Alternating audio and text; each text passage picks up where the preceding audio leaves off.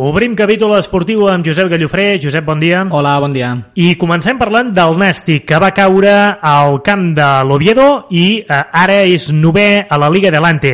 El principal problema, que no va saber aprofitar les ocasions de gol no va saber aprofitar aquestes ocasions de gol i va patir l'efectivitat eh, de l'Oviedo, un nàstic que, com eh, comentàvem ara mateix, va disposar de bones oportunitats i va fer una bona primera part. La gent que va veure el partit diu que de les millors fora de Tarragona. Escoltem les paraules de l'entrenador tarragoní Vicente Moreno.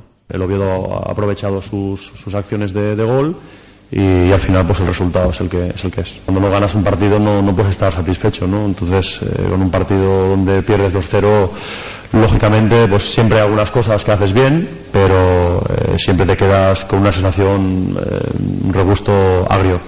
Al minut 21, Coné marcava el primer per l'Oviedo després que els tarragonins haguessin pogut encetar el marcador. Abans d'acabar la primera part, el 37, Susaeta feia el segon i definitiu gol. Ara els Grana ja pensen en el partit contra el Llagostera, un partit que tenen entre Sella i Sella des de que es va iniciar la Lliga, diumenge vinent a les 5 de la tarda. Un partit, sens dubte, amb un morbo especial i que podran seguir també en directe aquí la nova gràcies a la retransmissió de Ràdio Ciutat de, de Tarragona. Dir sobre aquest partit que hi ha una publicitat eh, que ja han vist eh, publicada en diversos mitjans, eh, amb la B de Vendetta, eh, Josep?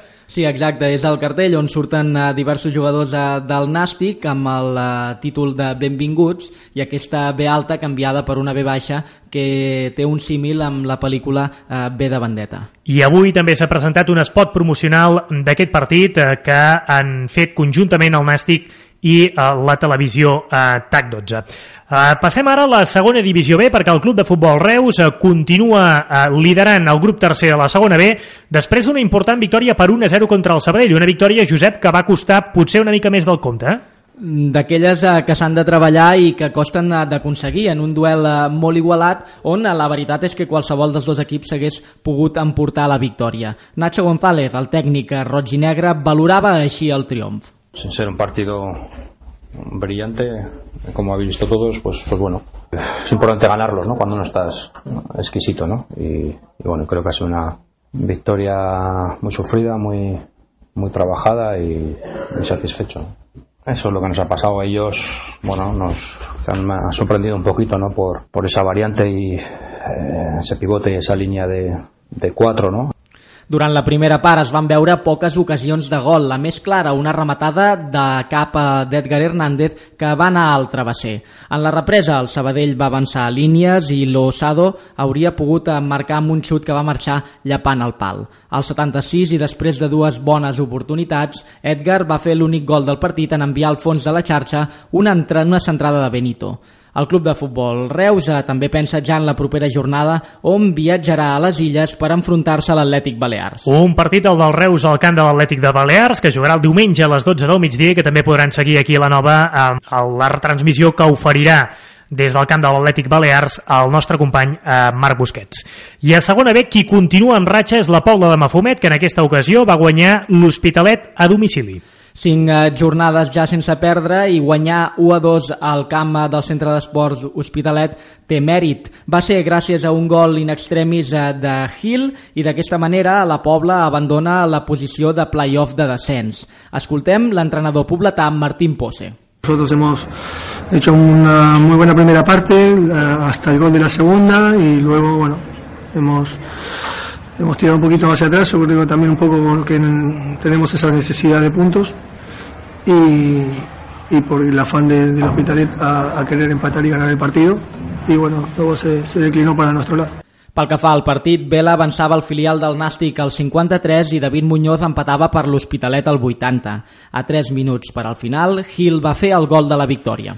Passem a tercera divisió. Prince va donar la victòria al Morell en el tram final de partit. Després de tres derrotes consecutives, el Morell va tornar al camí de la victòria en guanyar per 1 a 2 al camp del Sant Feliuenc. Els tarragonins, gràcies als gols d'Àngel Gavilan i de Prince, aquest darrer, després d'una jugada de geni de Marc Sallarès, van superar el rival i van tornar a sumar una victòria que els situa fora de la descens directe. Uh, I això, que Marc Salleres doncs, uh, fos l'artífex d'aquesta jugada de, de l'últim gol, ens uh, fa contents doncs, per tot el que implica uh, que aquest uh, jugador el puguem veure doncs, um, fer bons partits sobre el terreny de joc. Passem ara, Josep, a repassar com han anat les coses a primera catalana. El Redis encara no coneix la victòria a casa i va perdre per 0 a 1 amb el Viladecans. El Vilaseca guanya contra el Torredembarra 1 a 0, mentre que el Catllà cau derrotat contra la Rapitenca per 2 a 3. I parlem ara d'hoquei patins. Després de, de mostrar-se intractable lluny de la capital del Baix Camp, el Reus Deportiu ha aconseguit aquest cap de setmana, per fi, la primera victòria a l'hoquei Lliga com a local. Els roig i negres van guanyar per 4-2 al Club Patí Voltregà. Matías Platero va encetar el marcador al minut 10 i dos minuts després Marc Oi va fer pujar el 2-0 a l'electrònic. El 3-0 va arribar al 20, obra de Raül Marín. El Voltregà, però, com eh, bé estem acostumats a veure, és un equip que no es rendeix mai i Borja López va reduir diferències amb el 3 a 1 abans del descans. Tot i això, el 24, Xavi Rubio va fer el quart en una jugada individual. En la represa, només Vargas, a l'últim minut, va maquillar el resultat amb el 4 a 2 definitiu. L'entrenador Enrico Mariotti estava molt satisfet del joc del seu equip.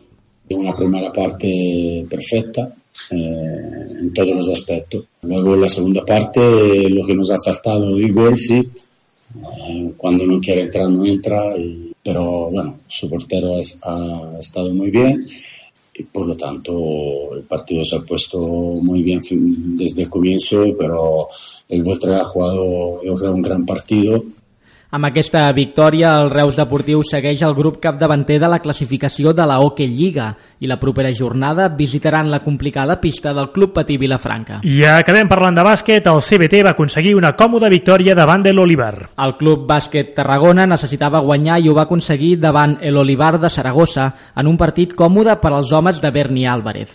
El resultat eh, final de 82 a 65 parla de la superioritat dels tarragonins. Doncs això és tot per avui. Gràcies, Josep, i fins demà. Fins demà, adeu-siau.